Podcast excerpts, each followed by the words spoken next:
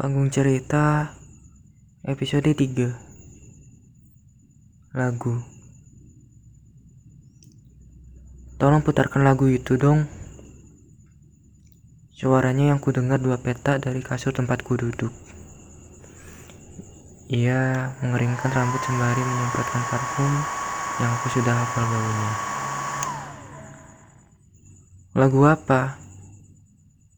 Lagu hi-fi Siapkah kau tuh jatuh cinta lagi? Ah, lagu itu. Aku meraih laptopnya yang ada di meja seberang tempatku duduk.